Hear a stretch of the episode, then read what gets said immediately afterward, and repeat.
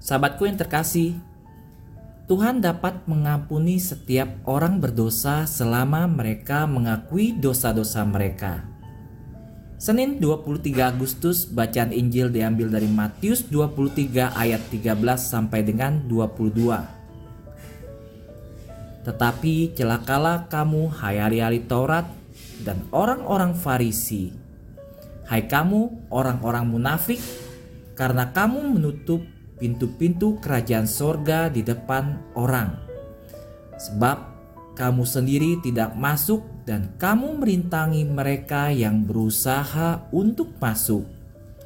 Celakalah kamu, hai ahli-ahli Taurat dan orang-orang Farisi, hai kamu orang-orang munafik, sebab kamu mengarungi lautan dan menjelajahi daratan untuk mentobatkan satu orang saja menjadi penganut agamamu, dan sesudah ia bertobat, kamu menjadikan dia orang neraka yang dua kali lebih jahat daripada kamu sendiri.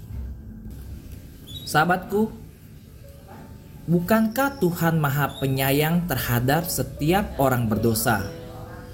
Lalu, mengapa dia begitu kejam terhadap orang-orang munafik.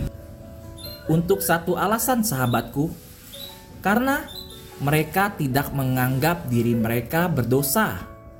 Seperti seorang pecandu alkohol, mereka hanya dapat menyelesaikan masalah ketika mereka menyadari bahwa mereka memiliki masalah.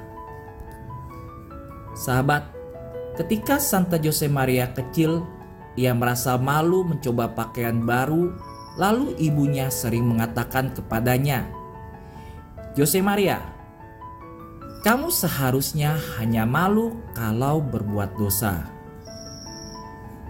Sahabat, tidak ada salahnya kalau kita mengakui dosa-dosa kita. Ada sebuah cerita tentang seorang pendeta yang menemui setan bermain-main di antara orang-orang yang menunggu di antrian kamar pengakuan. Pendeta itu bertanya kepadanya, "Apa yang kamu lakukan di situ, pembuat celaka?" Dahulu saya ambil rasa malu mereka untuk berbuat dosa. Jawab roh jahat itu. Tetapi sekarang saya mengembalikannya kepada mereka sehingga mereka merasa malu untuk mengakuinya seorang guru mengalami tahun yang mengerikan dengan kelas tertentu. Ia telah mencatat semua pelanggaran lebih dari 200 kali. Menjelang akhir tahun, ia membaca daftar pelanggaran dan memikirkan hukuman yang proporsional untuk murid-muridnya. Tiba-tiba sebuah pemikiran terlintas di benaknya.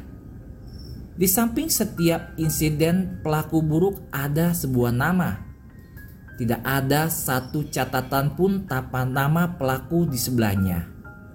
Kemudian ia menyadari bahwa setiap kali dia bertanya, "Siapa yang melakukan ini?"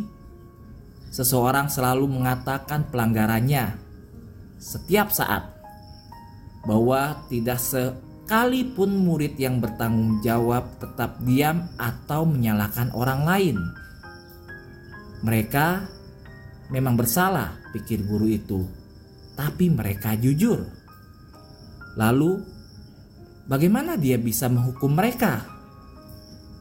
Sahabat, dengan cara yang sama, Tuhan selalu mengampuni mereka yang mengakui kesalahannya dengan kesedihan.